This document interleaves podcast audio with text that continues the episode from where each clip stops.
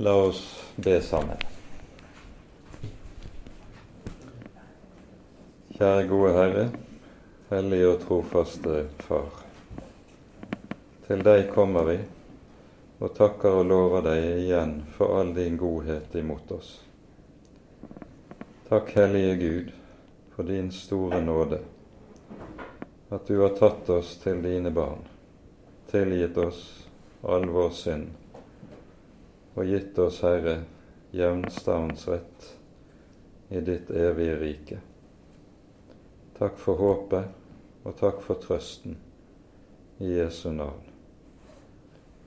Nå ber vi, gode Herre, at du vil være hos oss denne kvelden.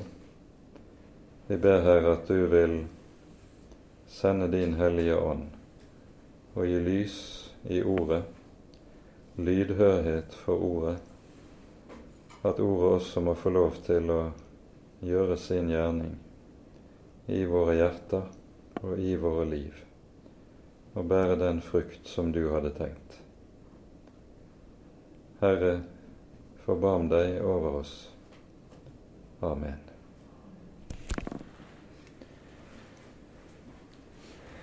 Som sagt så begynner vi i dag altså på det 40. kapittelet i Jesaja-boken. Et avsnitt, eller den andre hoveddelen av Jesaja-boken, som ofte kalles rett og slett for trøsteboken. Både fordi det første verset i kapittel 40 eh, jo bærer i seg trøsteordet, men fordi også trøsteordet er et ord som går igjen mye gjennom hele denne andre hoveddelen av Jesaja-boken.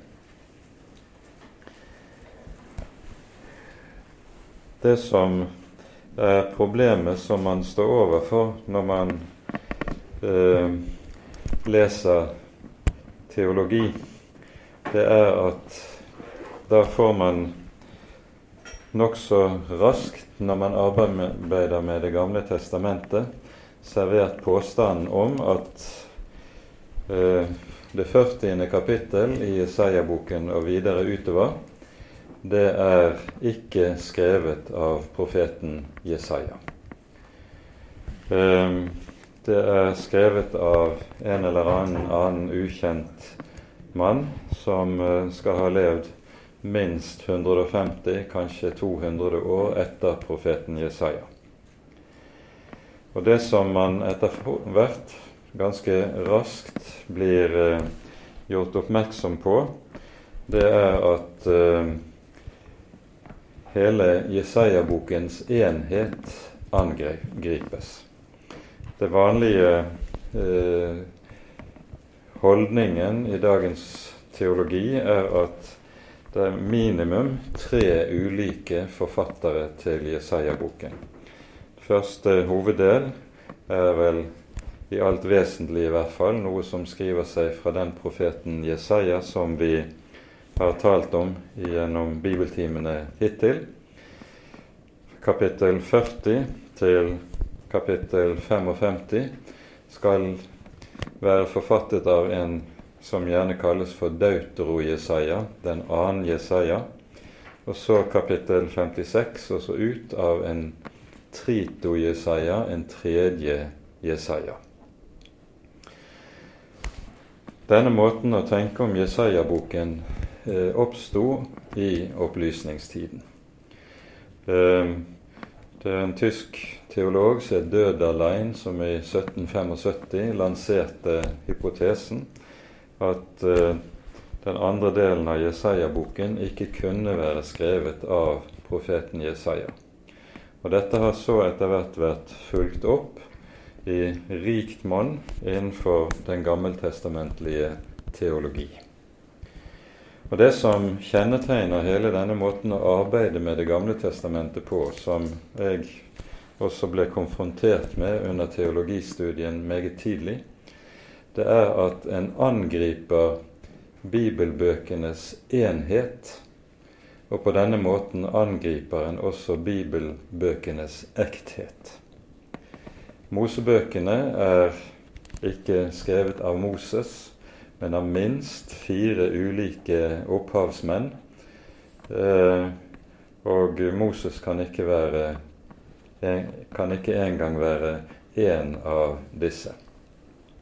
De har skrevet disse fire delene av Mosebøkene eh, anslagsvis den eldste delen rundt år 900, den yngste delen kanskje rundt år 400, altså mer enn 1000 år etter det Bibelen forteller var Mose levetid. En frakjenner altså gjennom å angripe Mosebøkenes enhet, så frakjenner en Mosebøkenes ekthet. De er ikke forfattet av Moses.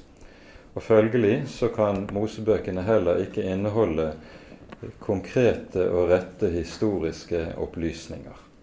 Det er mer tale om legendarisk stoff som er blitt til av teologer i senere i Israels historie, som har hatt behov for å skape en nasjonal historie med tanke på å skape en nasjonal identitet. Dette er en del av teoridannelsen. Eh, samme skjebne har altså Jesaja-boken lidd. Eh, og begrunnelsen for å angripe Jesaja-bokens ekthet er at den typen profetier som vi finner i, fra kapittel 40 av og ut, utover, det er noe som er umulig. Her blir det profetert om det babylonske fangenskap. Det blir profetert om befrielsen fra det babylonske fangenskap. Og vi hører også rikelige profetier om den kommende Messias. Og eh, det ble da hevdet at den slags eh, kunnskap om fremtiden jo er noe som er en umulighet. Følgelig kan ikke denne, delen av Jesaja-boken være skrevet av profeten Jesaja 200 år før de begivenheter han taler om. De må være skrevet etter at begivenhetene hadde skjedd, og så blir de bare utgitt for å være profetier. Det vi med andre ord derfor står overfor i eh, både i Jesaja-boken og i Mosebøkene, det er et slags åndelig bedrag. Og vi skjønner hva det innebærer med tanke på bibeltekstens troverdighet. Kan vi overhodet bygge på Guds ord eller på Bibelen som det den er gitt oss, hvis den bare er et resultat av et historisk bedrag? Dette ble altså undertegnede konfrontert med nokså raskt eh, under teologistudiet, og det var noe som aldri jeg fant å kunne godta. Eh, den som i dag vil hevde at Mosebøkene er skrevet av Moses, eller hele Jesaja-boken skrevet av profeten Jesaja, han vil i allment innenfor den gammeltestamentlige eh, teologien bli beskyldt for å være uvitenskapelig, og han blir overhodet ikke tatt alvorlig. Det er situasjonen i gammeltestamentlig teologi allment. Og det gjelder på MF, det gjelder på NLA, og det gjelder på de fleste teologiske høyskoler i hele den vestlige verden. Når Jesaja-boken blir dratt i tvil sånn som den er blitt, så er det særlig en anstøtsten som har vært dratt frem. Og det er at i 40, slutten av kapittel 44 og i begynnelsen av kapittel 45 så hører vi den person som skal sørge for at Israels folk blir fridd fra fangenskapet i Babylon og får lov til å reise tilbake igjen, komme tilbake til Israels land og gjenreise Jerusalem. Denne personen er navngitt. Det er den persiske kong Kyros. Vi hører han navngis i det siste verset i kapittel 48, nei 44, unnskyld. Og i, vi hører også han navngis i begynnelsen av kapittel 45. Og Da hevdes det altså at knappe 200 år før dette skjer, så er noe slikt umulig. Det må være noe som er en forfalskning som er utgitt for å være talt av profeten, men som altså ikke kan medføre historisk korrekthet. I Bibelen har vi også et annet eksempel på samme sak. Det finner vi i første kongebok i det 13. kapittel, ehm, der vi eh, hører om det som skjer etter delingen av Israels rike når Salomo er død. Så deles jo riket i Nordriket og Sydriket. Og i Nordriket er det, er det Jeroboam tar makten og blir konge. Han reiser en helligdom i Betel, helt ved sydgrensen mot Juda, riket i, i sitt herre, kongedømme.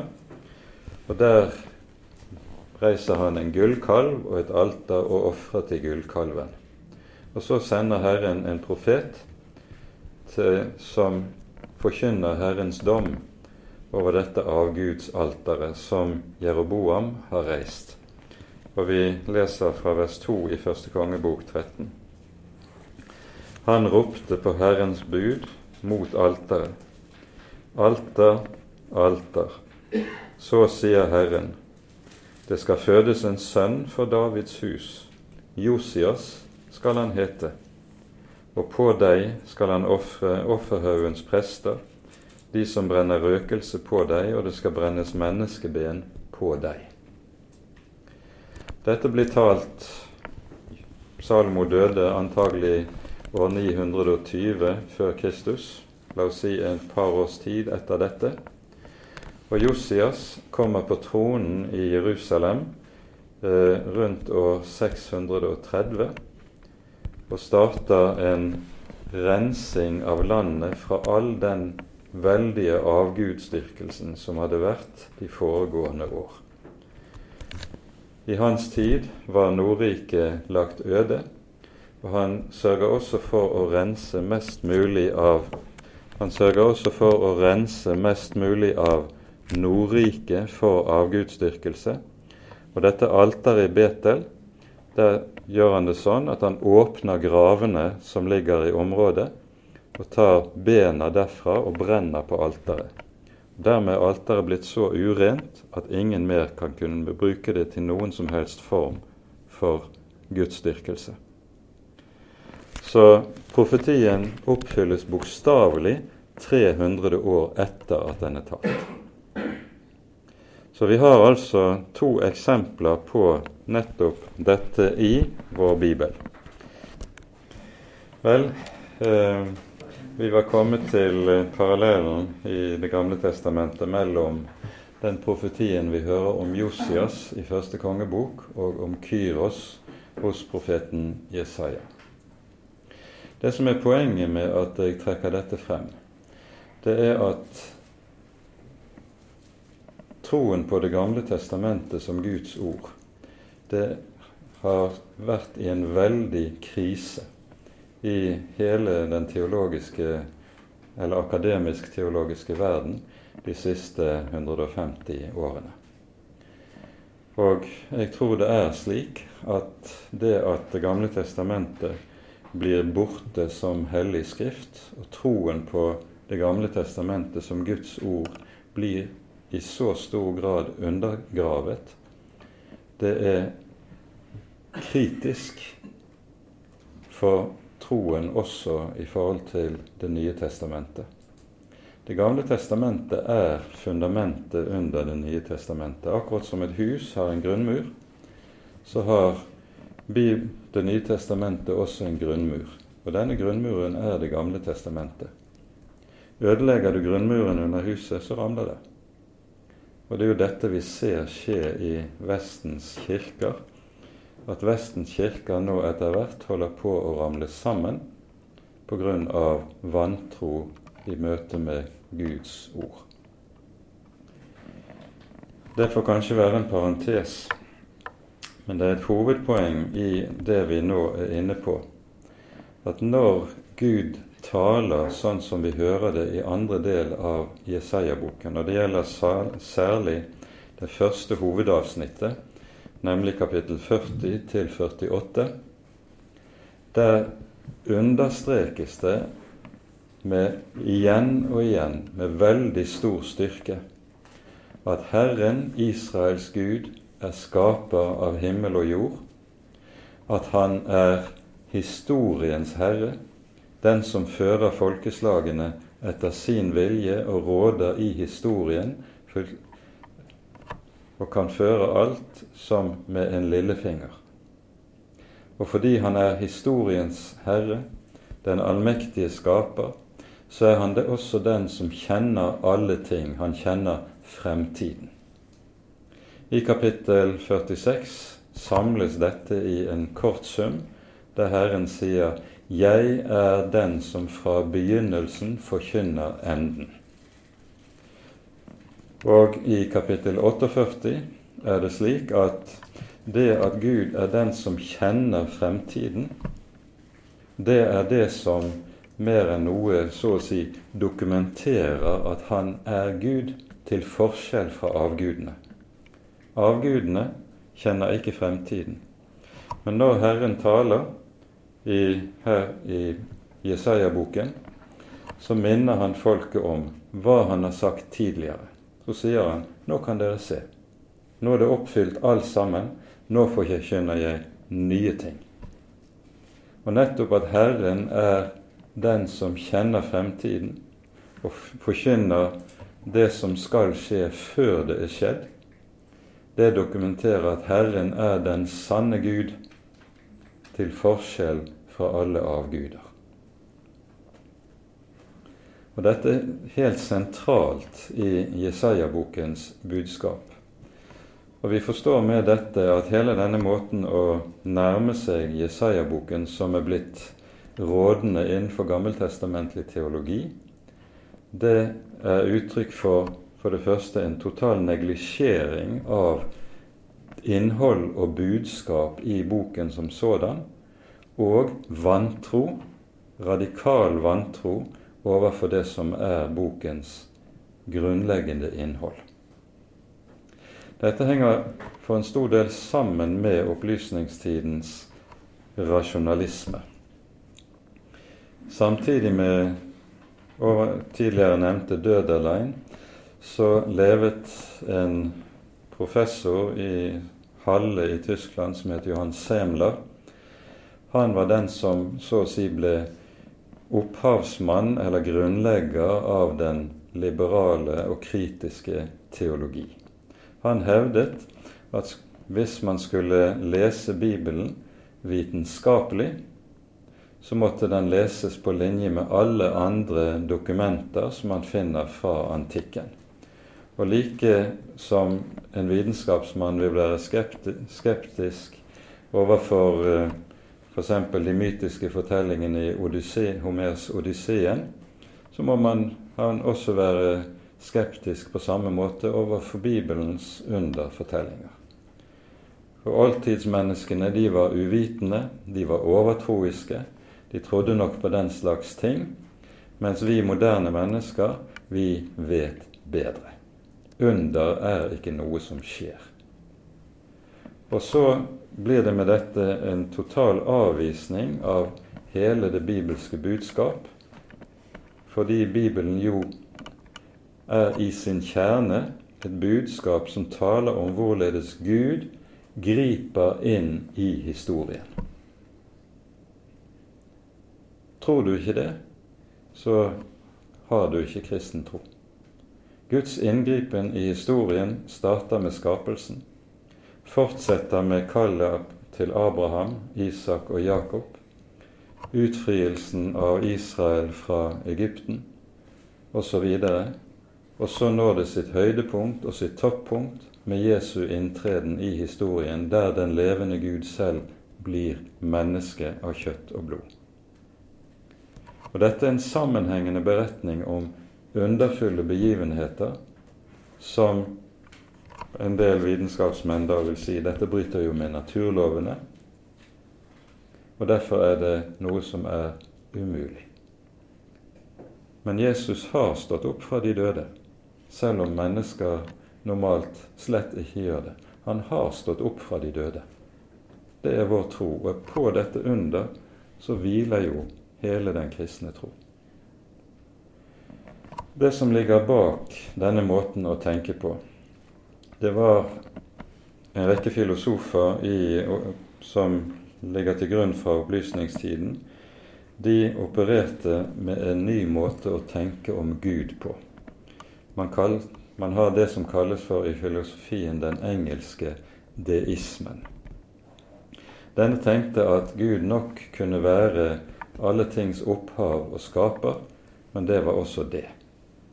Gud var å ligne med en som, når han skapte i begynnelsen, kunne, være, kunne sammenlignes med en urmaker som lager en klokke så trekker han opp klokken, og så går resten av seg selv. Og det er det Gud gjør i skapelsen. Han har trukket opp en klokke, og så går resten av seg selv.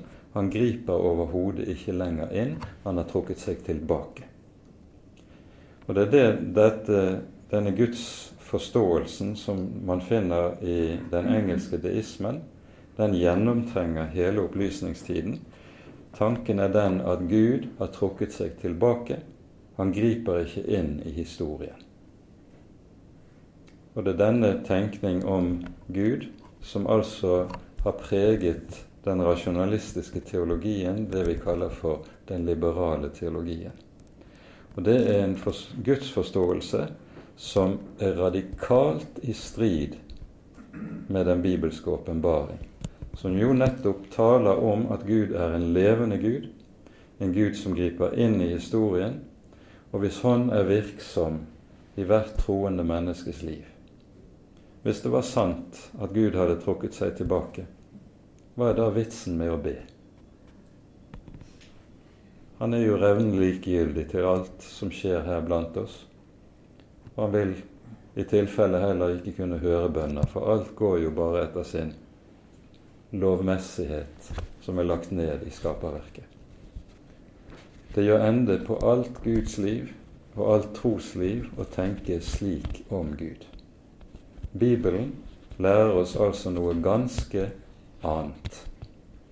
Og det er ikke minst det vi hører om i denne delen av Jesaja-boken. Jeg tror det har vært nødvendig å si litt om dette, for i, på en eller annen måte så vil dere antagelig enten ha møtt eller komme til å møte disse tankene om eh, Bibelen og angrepene på Bibelens enhet. Da er det viktig å vite at det ikke finnes ett eneste empirisk eller vitenskapelig bevis som kan bekrefte at Jesaja ikke har skrevet Jesaja-boken. Det finnes ikke ett eneste empirisk eller faktisk bevis som kan bekrefte at Moses ikke står bak Mosebøkene.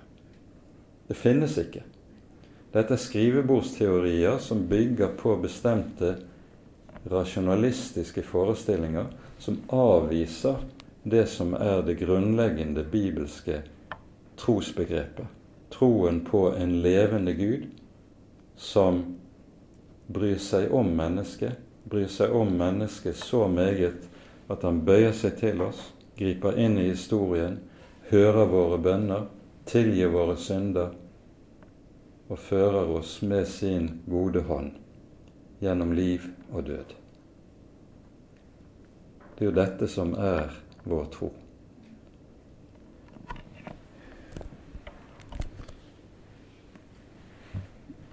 Nå har et av argumentene for at andre delen av Jesaja-boken må være skrevet av en annen forfatter enn han som vi hører om i første delen, vært språklige argumenter. Det er et annet språk i denne delen av boken. Det er for så vidt riktig. Det er et annet språk, og det er flere mulige forklaringer på akkurat det. Men det kan ikke sies å være noe bevis på noe som helst. For mennesker uttrykker seg forskjellig ut inn i forskjellige situasjoner. å holde en begravelsestale, da har du et annet språk enn når du holder en festtale på 17. mai. Sånn er det. Situasjonen bestemmer språket. Og sånn er det også når det gjelder det bibelske budskap og de bibelske profeter. De vet å ordlegge seg i forhold til situasjonen. Og så vil språket, og hos, ikke minst hos en Jesaja, som en uhyre rikt utrustet profet. Han har et språk og en språklig kraft som neppe noen av de øvrige gammeltestamentlige profeter kan sies å ha. Hans språklige begavelse er uhyre rik. Og dette bærer også hans profetiske budskap i høy grad preg av.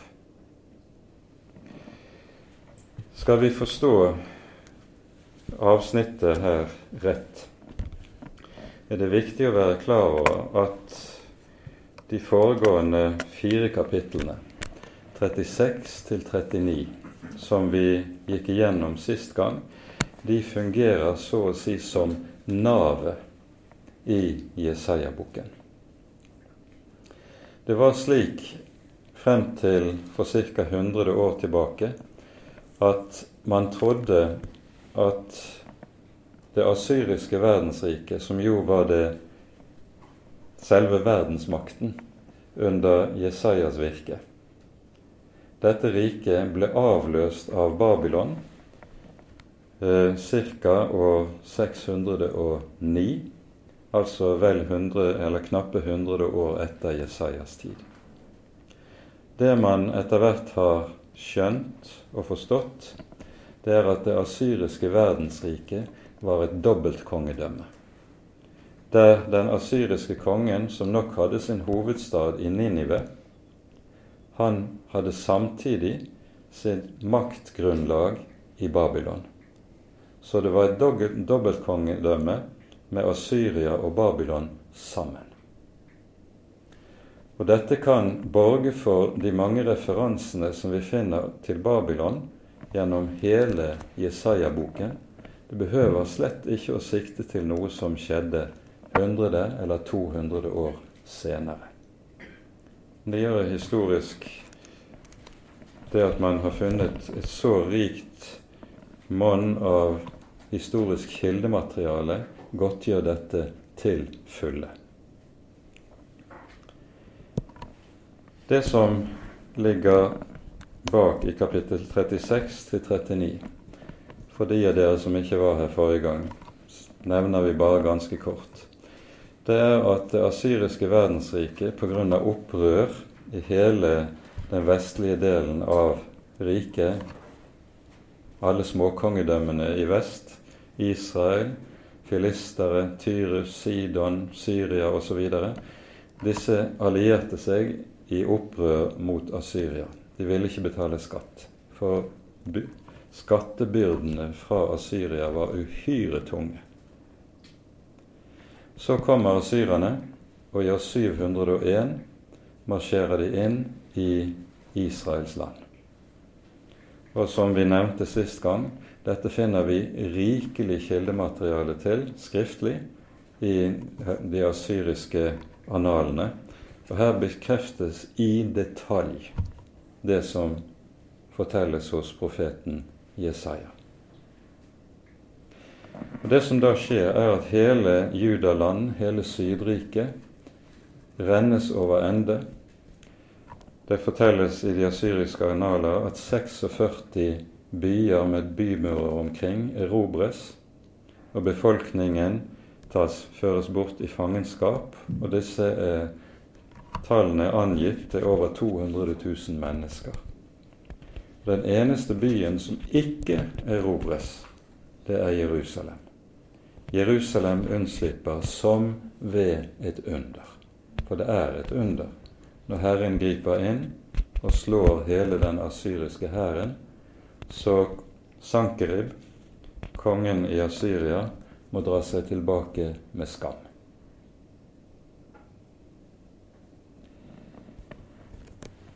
Tidligere i Jesaja-boken har vi vært inne på det som vi hører i kapittel 10, nemlig at på grunn av Israels veldige avgudsdyrkelse kommer Herren til å refse sitt folk og tukte sitt folk og dømme sitt folk med Asyria som redskap. Og I kapittel 10 hører vi det sies, og vi leser bare et par vers, fra vers 20 til 23 i det tiende kapittel. Her sies det uttrykkelig at en liten rest skal bli tilbake etter de asyriske herjingene. På den tid skal Israels rest og de som er sluppet unna av Jakobs hus, ikke fortsette å støtte seg på ham som slo det, men de skal støtte seg på Herren, Israels hellige. En rest skal omvende seg, en rest av Jakob til den veldige Gud. For om ditt folk Israel er som havets sand, skal bare en rest av det omvende seg. Tilintetgjørelse er fast besluttet, en flom av rettferdighet. Med det vi hører i kapittel 36 og utover, er denne profetien gått i oppfyllelse. Jerusalem er blitt stående, den lille rest er tilbake. Og det at Jerusalem skulle bli stående, det nevnes faktisk allerede i det første kapittel i Jesaja-boken, i innledningen til hans profeti. I kapittel 1 sies det om det som ligger foran. Først er det tale om hvorledes hele landet skal legges øde av fiendene, og så står det i vers 8.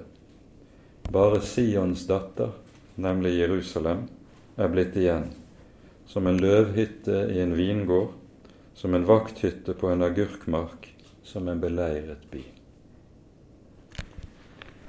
Så det som vi altså står overfor i kapittel 40, det er at nå er alt dette som profeten tidligere har talt, gått i oppfyllelse. Det er en forferdelig tid for hele folket. Og nettopp inn i denne tid er det det 40. kapittel så lyder. Trøst, trøst mitt folk, sier deres Gud. Herren kommer nå og tar seg av den lille rest som er blitt tilbake. Tar seg av dem med trøst, for det sies, som vi hørte i kapittel 10, bare en rest skal omvende seg til Herren, Israels hellige. De elleve første versene i kapittel 40 har vært kalt for prologen til trøsteboken. Akkurat som Johannesevangeliet har en prolog, en innledning, så, så finner vi så å si det samme her også i denne andre delen av Jesaja, trøsteboken. De elleve første versene representerer en slik prolog, som så å si gir oss det store overblikket og hovedinnholdet i alt det som følger videre utover i boken. Det er viktig å være klar over at denne delen av Jesaja-boken er bygget opp meget systematisk. Det er slik at du kan dele denne delen av boken inn i tre hovedavsnitt og hvert hovedavsnitt består av ni kapitler. Først kapittel 40 til 48, så kapittel 49 til eh, 57, og så kapittel 58 til 66. Ni kapitler i hver bolk, tre hovedbolker. I den midterste bolken, i den midterste delen av den midterste bolken, står det ett vers. Han ble såret for våre overtredelser. Det er så selve, så å si, også rent bokstavelig selve sentrum i denne delen av boken. Fordi det er her, i denne delen av profeten Jesaja, vi finner sterkere og klarere malt for våre øyne den kommende frelser enn noe annet sted i Det gamle testamentet. Og så har du altså som selve sentrum i trøsteboken finner vi løftet om Han som lider for våre synder og i vårt sted. Nå tar vi oss tid til å lese de elleve første versene i kapittel 40. Trøst, trøst mitt folk, sier deres Gud. Tal vennlig til Jerusalem og rop til henne at hennes strid er endt, at hennes skyld er betalt, at hun av Herrens hånd har fått dobbelt for alle sine synder. Hør, det er en som roper, rydd i ørkenen vei for Herren, gjør i ødemarken en jevn vei for vår Gud. Hver dal skal heves, hvert fjell og hver haug skal senkes. Det bakkete skal bli til slette og hamrende til flatt land. Herrens herlighet skal åpenbares, og alt kjød skal sammen se at Herrens munn har talt. Hør, det er en som rop, sier 'rop', og en annen svarer 'hva skal jeg rope'? Alt kjød er gress, og all dets herlighet som blomst på marken. Gresset blir tørt, blomsten visner når Herrens ånde blåser på det. Ja, sannelig, folket er gress. Gresset blir tørt, blomsten visner, men vår Guds ord står fast til evig tid. Stig opp på et høyt fjell, du Sions gledesbud. Oppløft din røst med kraft, du Jerusalems gledesbud. Rop høyt, frykt ikke. Si til Judas byer, se, der er deres Gud. Se, Herren kommer med velde, og hans arm råder. Se, hans lønn er med ham, og hans gjengjeldelse går foran ham. Som en hyrde skal han vokte sin jord. I sin arm skal han samle lammene, og ved sin barm skal han bære dem. De får som har lam, skal han lede. Det begynner altså med dette budskapet om trøst. Og dette er formulert på en sånn måte at det begynner med et dobbelt trøst. Trøst, trøst. Og som vi har vært inne på ved flere anledninger, når ting sies to ganger i Bibelen på denne måten, så er det for at det skal ha desto tyngre ettertrykk. I eh, Bibels tid så fantes det ikke verken de, noen av de grafiske virkemidlene vi bruker når vi skriver tekster. Det fantes ikke utropstegn eller understrekning eller den typen ting som man liksom skulle vise. Vise at her er det som står særskilt viktig, eller har særlig ettertrykt. Og Derfor er det sånn at i stedet så gjentas det. Det er derfor Jesus f.eks. ved flere anledninger vi hører han si Amen, amen, sier jeg dere. Da er det noe han sier til oss med et særlig ettertrykk, og som vi altså på en særlig måte skal skrive oss på hjertet. Nå skal vi skrive oss alt Jesus har å si på hjertet, men det er altså slik at han selv ved flere anledninger legger et veldig ettertrykk på noe av det han sier. Så følger de neste verset. Tal vennlig til Jerusalem. Vi merker oss adressaten til Jerusalem. Jerusalem står tilbake. Alt annet i landet ligger i ruiner. Og så skal gjenreisningen og gjenoppbyggingen starte. Og sannelig trengs det både trøst og hjelp fra Herren i en sånn situasjon. Tal vennlig til Jerusalem.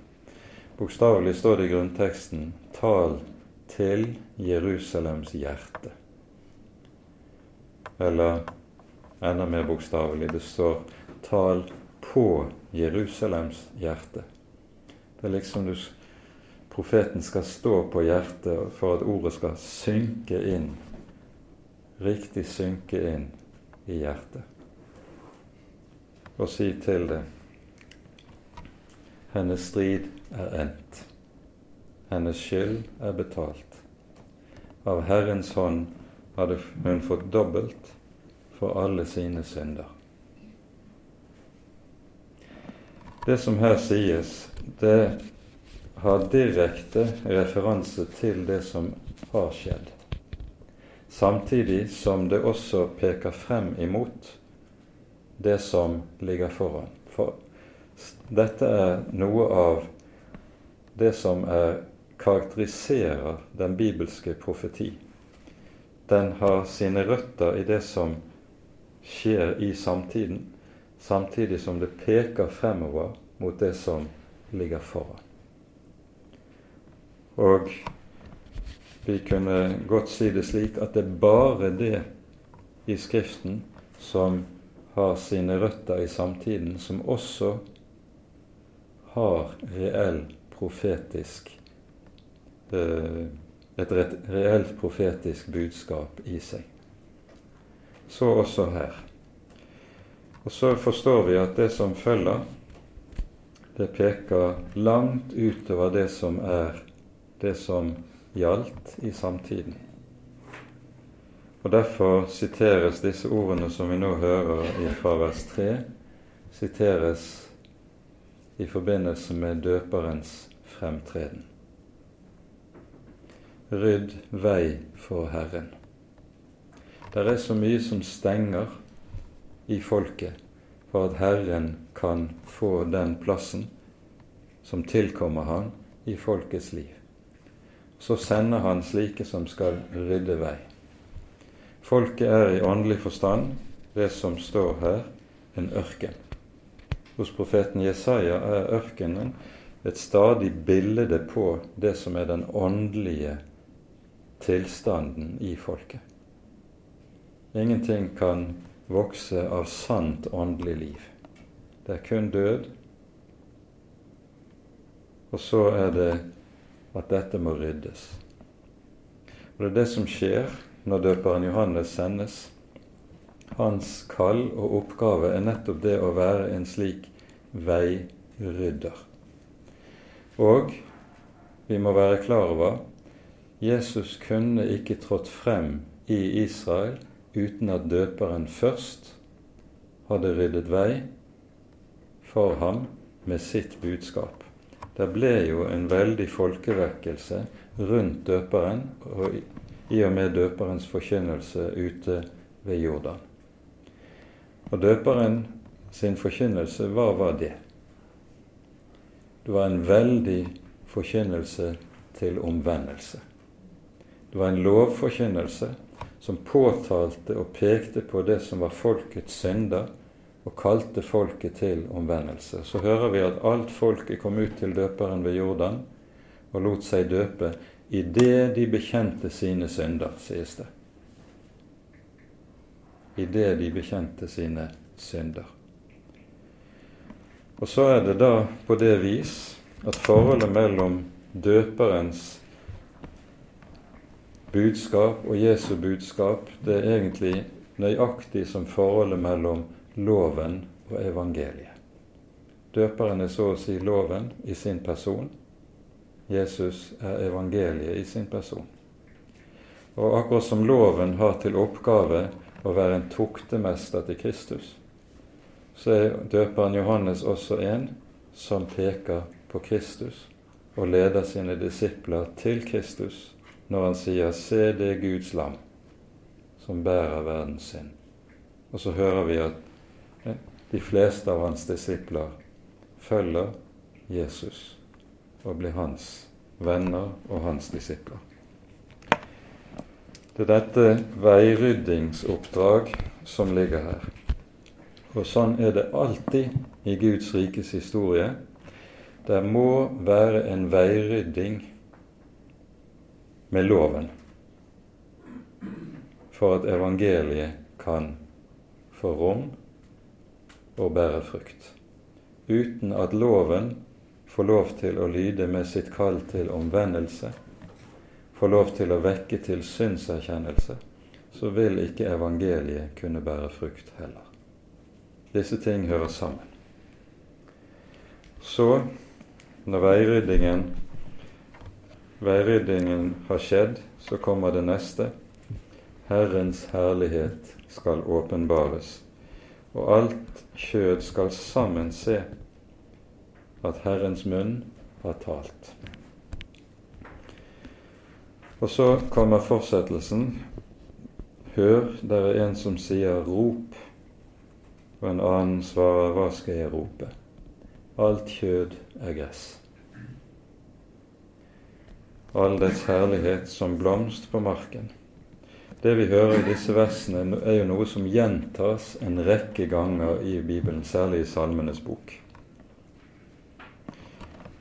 Og eh, det må vel være lov til å si, kanskje, at når vi legger blomster på båren til våre døde når våre kjære er borte, så minner blomstene også om denne sannhet som vi hører her. Det er ikke bare slik at blomsten er et uttrykk for vår kjærlighet til minne etter de som er gått bort, men blomsten minner også om denne sannhet alt kjød er gress. Og døden minner oss nettopp om det. Når profeten holder dette frem i denne sammenheng, så er det fordi folket og kongen med sine rådgiver har søkt hjelp i kjød. Under den asyriske krisen så har de søkt hjelp hos egypterne. De prøvde å inngå militærpolitiske allianser med Egypt og flere andre. Og Herren advarte dem og sa det vil ikke gangle dere det aller minste. Nå har de erfart det. Nå har de sett at å sette sin lit til mennesker, til kjød, til denne verdens hjelp, det gagner intet. Alt kjød er gress. Og så uttypes akkurat dette i lenger ute i kapittelet, der Herren taler om hvorledes han har hele historien og alle historiens folkeslag i sin hule hånd. Vi kan lese fra vers 15 i samme kapittelet.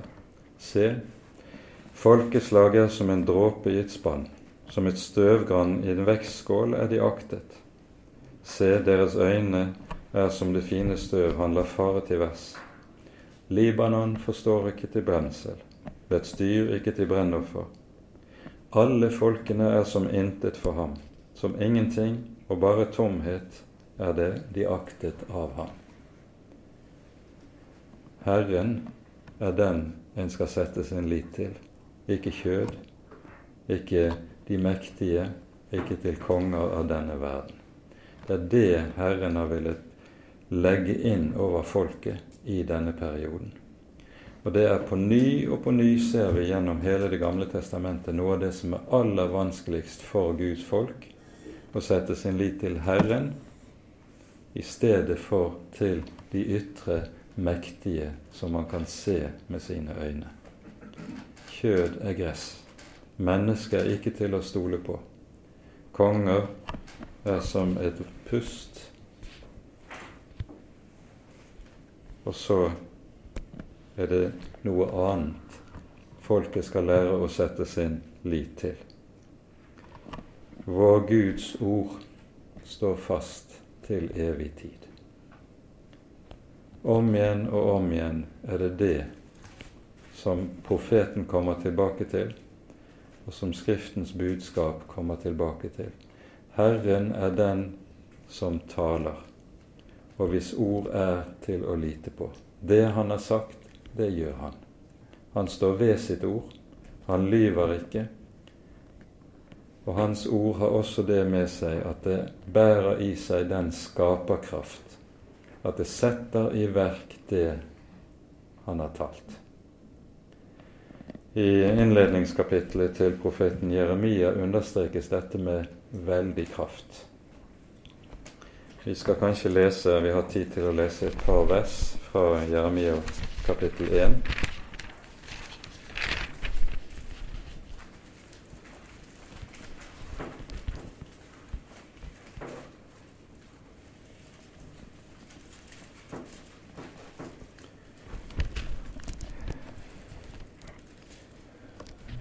Eh, hele kapittel 1 er beretningen om hvorledes Herren kaller profeten Jeremia til profet. Og så sies det fra vers 9 til 10 følgende Herren rakte ut sin hånd og rørte ved min munn. Og Herren sa til meg, Se, jeg legger mine ord i din munn. Se, jeg setter deg i dag over folkene og rikene til å rykke opp og rive ned, til å ødelegge og bryte ned, til å bygge og til å plante. Kan Jeremia gjøre slikt? Selvsagt ikke. Men det ord som Herren taler gjennom profeten, det ord er det som gjør og utfører og iverksetter alt dette. Og så får det dette paradoksale uttrykk at fordi profeten er redskap for Guds ord, så er det som om Herren altså setter Han, sin profet, over folkene og rikene. Guds ord står fast til evig tid, sier altså Jesaja, som vi har lest det i kapittel 40, vers 8. Så kommer de siste versene i prologen i kapittel 40. Og her lyder evangeliet. Nå har vi hørt loven, loven som skulle rydde vei. Og så kommer det neste. Stig opp på et høyt fjell, du Sions gledesbud. Oppløft din røst med kraft, du Jerusalems gledesbud.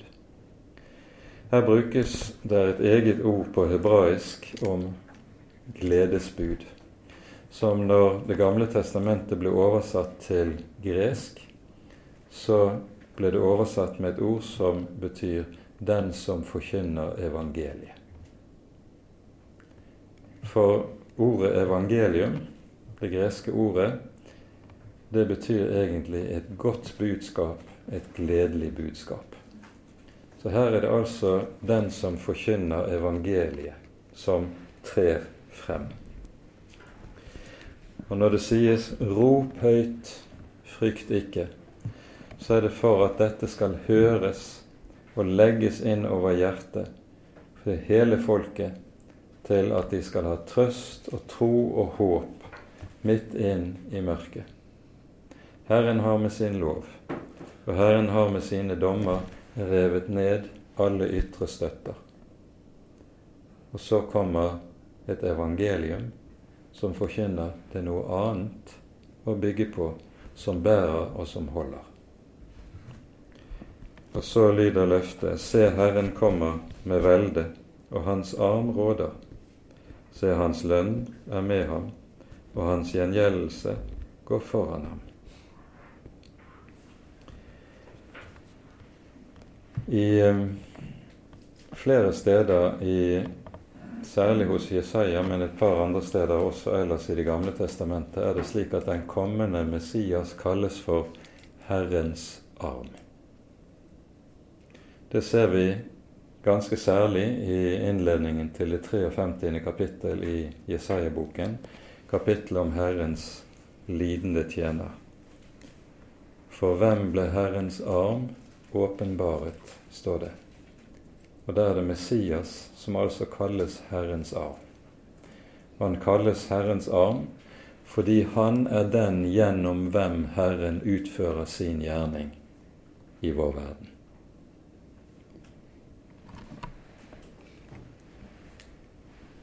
Se, Herren kommer med velde. Og Her er det vi også møter et uttrykk som dukker opp et par andre steder i Jesaja-boken, som vi kan minne om i eh, det 25. kapittel. hører vi det sies uttrykkelig at Herren selv kommer. Herren kommer i egen person.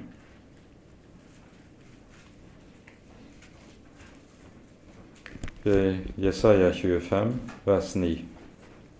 På den tid skal de si:" Se, der er vår Gud, Han som vi ventet på, Han som skulle frelse oss. Dette er Herren som vi ventet på. Og det er jo nettopp det som skjer når den Herre Jesus trer inn i historien. Da er det Gud som kommer i egen person og blir menneske av kjøtt og blod slik at man kunne si, når man så Kristi person, så kunne man si 'Vi ser Gud'. Jesus sier det jo selv uttrykkelig i Johannes 14. 'Den som har sett meg, har sett Faderen'. Og det er dette som er det store under, og som er hovedsaken i evangeliet.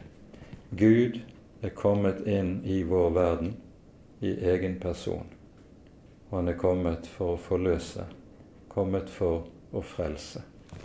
Og så beskrives hans hjertelag og hans gjerning i det siste verset. Som en hyrde skal han vokte sin jord.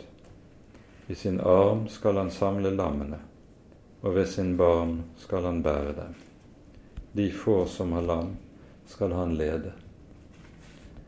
Det er et hjertelag som vet å ta seg av det som er skrøpelig, det som er hjelpeløst, det som er lite, og som ikke er i stand til å klare seg på egen hånd. Han er hyrden. Og med budskapet om den gode hyrde som en dag skal komme, er det altså prologen slutter. Det som så følger i de neste versene, et oppgjør med gudsforestillingene som man finner i hedenskapet. Der Herren, i motsetning til avgudene, er den allmektige, som har skapt himmel og jord, og dette males for oss med en poetisk kraft som savner sidestykke ellers i Skriften. Vi har ikke tid til å gå igjennom dette i eh, detalj, men kapittelet slutter med den samme trøst som det begynner. Og vi leser de siste versene i kapittel 40, fra vers 27 og så ut kapittelet. Hvorfor vil du si Jakob og tale slik Israel? Min vei er skjult for Herren, og min Gud bryr seg ikke om min rett. Vet du det ikke, eller har du ikke hørt det? Herren er den evige Gud som skapte jordens ender. Han blir ikke trett, han blir ikke utmattet. Hans forstand er uransakelig. Han gir den trette kraft, og den som ingen krefter har, gir han stor styrke. Gutter blir trette og utmattet, unge menn snubler. Men de som venter på Herren, får ny kraft. De løfter vingene som ørner. De løper og blir ikke utmattet. De går og blir ikke trette. Og slik er det trøsten virker. Legg merke bare til ordlyden, for her skal man lese nøyaktig. Det står ikke 'de som venter på Herrens kraft, får ny kraft'. Det er mange som leser dette verset som det var det som sto der men det står 'de som venter på Herren, får ny kraft'. For det er det det taler om. Det handler om å vente på Herren, ikke på Herrens gaver. Og det er nettopp denne bevisste avhengigheten av Herren, og at en vet at en er avhengig av Herren selv. Det er den det dreier seg om når en bier på Herren. Troen i Det gamle testamentet er nettopp kjennetegnet ved dette at den bier på Herren. Med det tror jeg vi setter punktum for dagens bibeltime. Og så får vi fortsette neste gang. Ære være Faderen og Sønnen og Den hellige ånd, som var og er og være skal, en sann Gud, høylovet i evighet. Amen.